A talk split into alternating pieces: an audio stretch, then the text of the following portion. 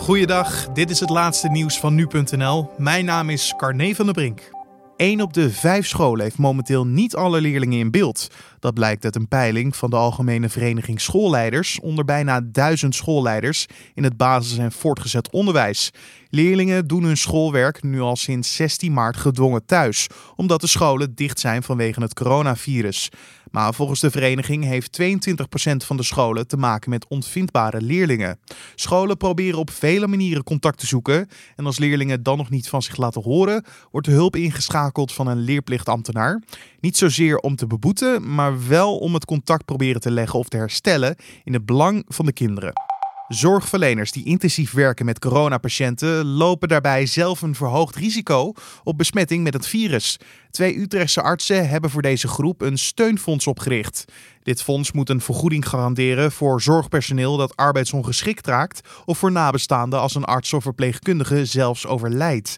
Het fonds valt onder de nieuwe opgerichte stichting Zorg na werk en coronazorg. En de stichting vraagt overheid, organisaties, bedrijven en burgers om bij te dragen aan het fonds.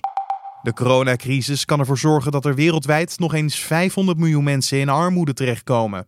Zo stelt Oxfam Novib in een nieuw rapport. Zo zou de strijd tegen armoede meer dan 10 jaar teruggedraaid worden door de economische schade.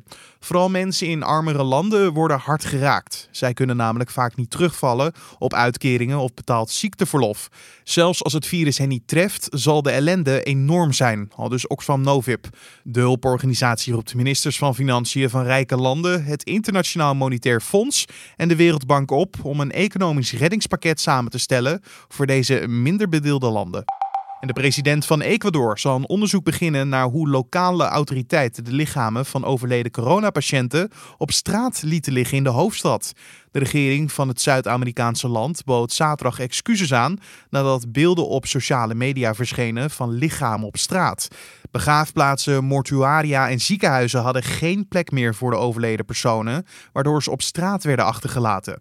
Een dag na de verontschuldiging liet de regering weten dat de lichamen van de straat zouden worden gehaald en in gekoelde containers geplaatst gaan worden. En tot zover de nieuwsupdate van nu.nl.